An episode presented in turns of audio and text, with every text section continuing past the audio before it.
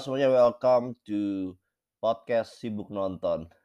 Sorry banget, lebih dari sebulan kalau nggak salah gue udah lama nggak bikin episode baru di podcast ini. So langsung aja, ini episode number 24. Kali ini kita akan bahas tentang film berjudul Ngeri-Ngeri Sedap.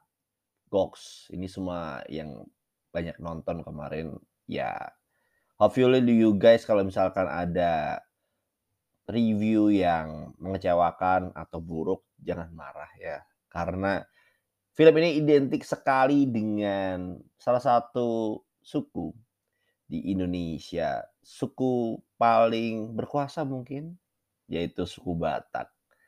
Gokil. Jadi langsung aja filmnya ngeri-ngeri sedap. Ngeri-ngeri sedap itu adalah film yang berceritakan tentang keluarga Batak yang penuh dengan konflik. Kurang lebih seperti itu. Sebelum lanjut ke ceritanya, kita akan bacakan tiga tokoh terpenting. Pertama pastinya adalah sutradaranya yaitu Benedion. Benedion adalah seorang komika dulunya yang sekarang beralih profesi, bukan beralih profesi sepertinya, tapi lebih fokus dan lebih dikenal sebagai sutradara sekaligus penulis skenario. Dan ini sedikit kilas balik tentang Benedion buat yang nggak tahu dia memulai karir sebagai penulis itu awalnya di Warkop DKI Reborn part 1. Lalu juga untuk sutradaranya ini sebenarnya bukan yang pertama tapi yang kedua. Kebetulan yang pertama yaitu Ghostwriter. Tapi apa sebenarnya kenapa kok Benedion menjadi tokoh terpenting? Karena sebenarnya berasa banget ya, ini seperti keresahan pribadi oleh uh, Benedion mengingat dia sempat bercerita, mungkin sering bercerita di banyak kanal YouTube. Memang dia punya father issue kurang lebih sehingga diluapkan di film Ngeri-Ngeri Sedap di mana berasa sekali originalitas dan feel konflik dengan ayahnya. Lalu yang kedua, yang tidak kalah penting dari sang sutradara atau sang penulis adalah Tika Panggabean. Tika Panggabean ini menurut gue luar biasa ya aktingnya di sini dan gue mungkin merasa mengenal Tika Panggabean sebagai aktor atau aktris ya di sini. Dan bagus sekali menurut gua. Dan tidak ada yang miss mengingat lawan mainnya yaitu Arswendi memiliki usia lebih tua 12 tahun but ya itu di deliver sangat baik oleh Tika Panggabean sehingga tidak terlalu mencolok perbedaan usia antara pemeran aslinya yaitu Arswendi dengan Tika Panggabean. Dan ini ini keren sekali. Lalu tokoh terpenting ketiga yaitu apalagi kalau bukan si trio ngeri-ngeri sedap. Kenapa trio? Kan harusnya empat ya personel ya. Pastinya karena ya nggak ada Oki Rengga gitu. Semua personel ngeri-ngeri sedap, eh sorry, agak lain. Personel agak lain tanpa Oki Rengga dan ya really really solid.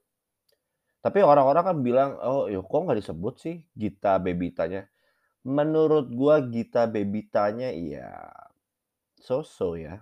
Dan pelengkap aja menurut menurut orang-orang kalau dalam kacamata gue apakah segitunya bagus sih? Menurut gue iya terlihat bagus.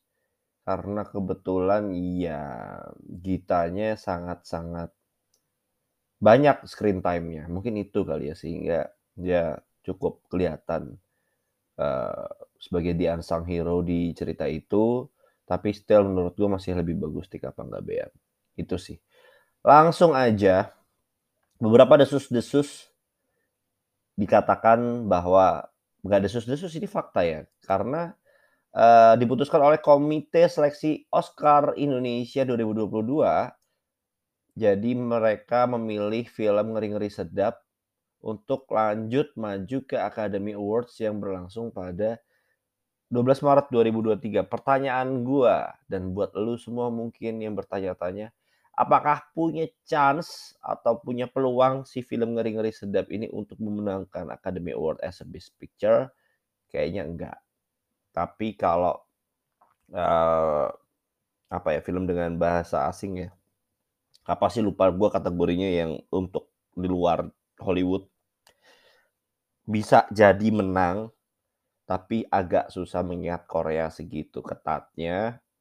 Dan kenapa gue bilang masih bisa menang? Ya bisa jadi ada hubungannya dengan barusan ada G20 di Indonesia. Dan mungkin itu saatnya dari skala global nge-leverage Indonesia di mata global termasuk dari segi perfilman. Biasanya itu mulai dari film dulu tuh untuk merubah poros tuh. Kayak dulu kalau lu tahu sejarahnya si Parasite itu kan menurut gue juga nggak mungkin jadi best picture tapi tiba-tiba jadi yang menurut gue hmm, nggak hmm, nggak aja sih itu.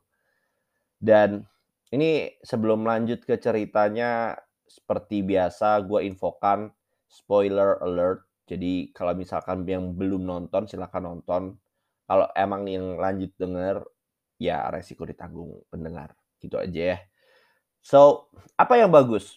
Yang bagus menurut gue film ini menggambarkan dengan sangat baik tentang adat Batak. Ya dari lapo, dari bagaimana supremasi dari seorang bapak itu benar-benar digambarkan sekali di sini.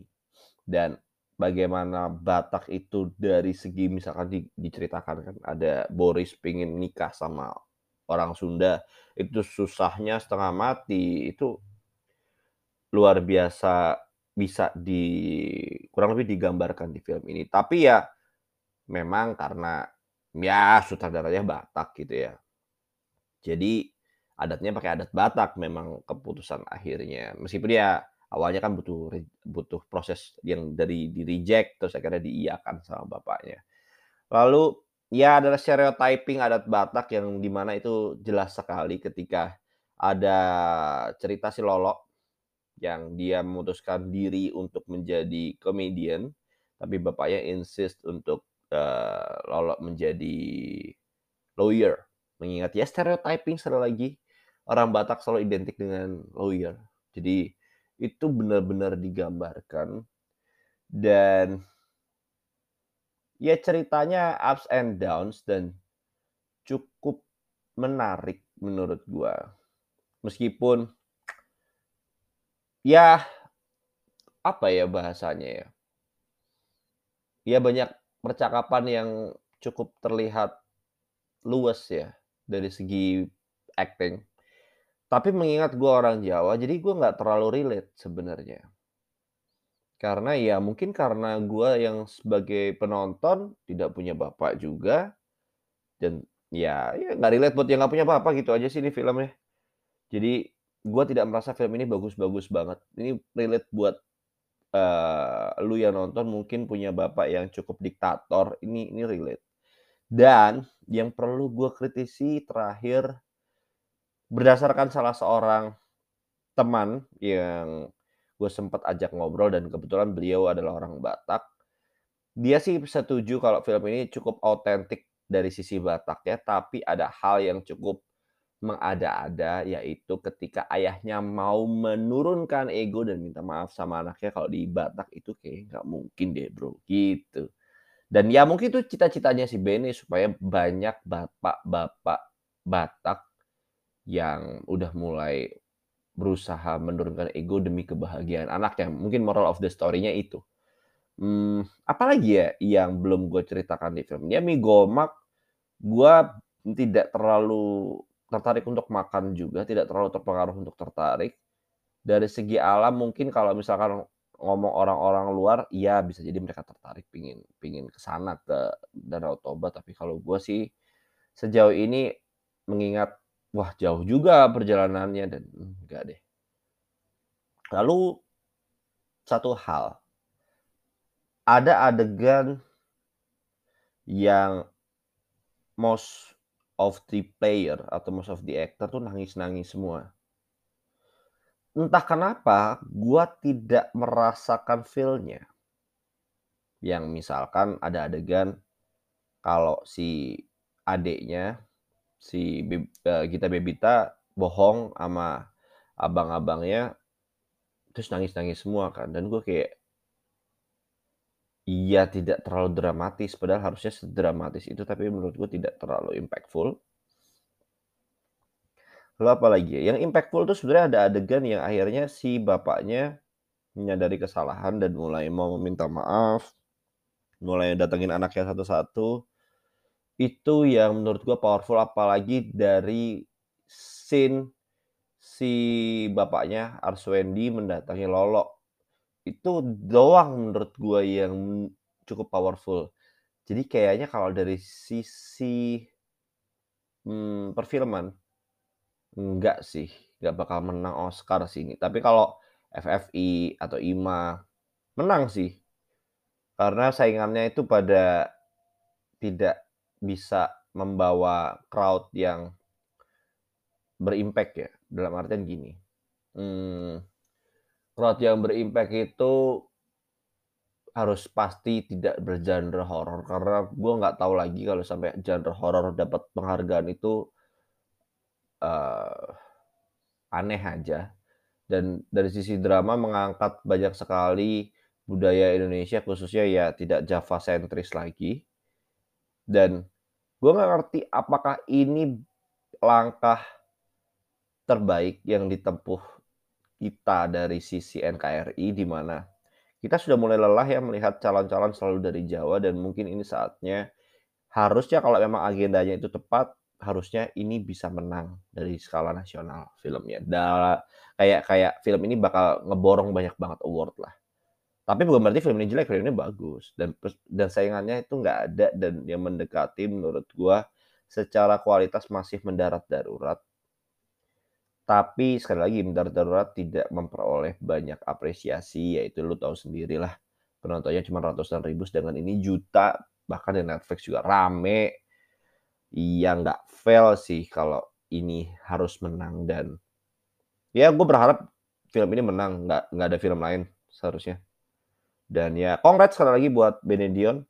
Cuman gue mempertanyakan konsistensinya Benedion nanti apakah di film berikutnya dia masih bisa mempertahankan tajinya sebagai sutradara yang luar biasa bagusnya di film Ngeri-Ngeri Sedap atau ya memang kita bisa mengamini mungkin Benedion cuman kebetulan aja. Paling itu dulu dari gua, thank you udah dengerin review ini, langsung aja lu tonton di Netflix tuh ada. Oke semuanya, jangan lupa dengerin episode gue yang lain. Dadah.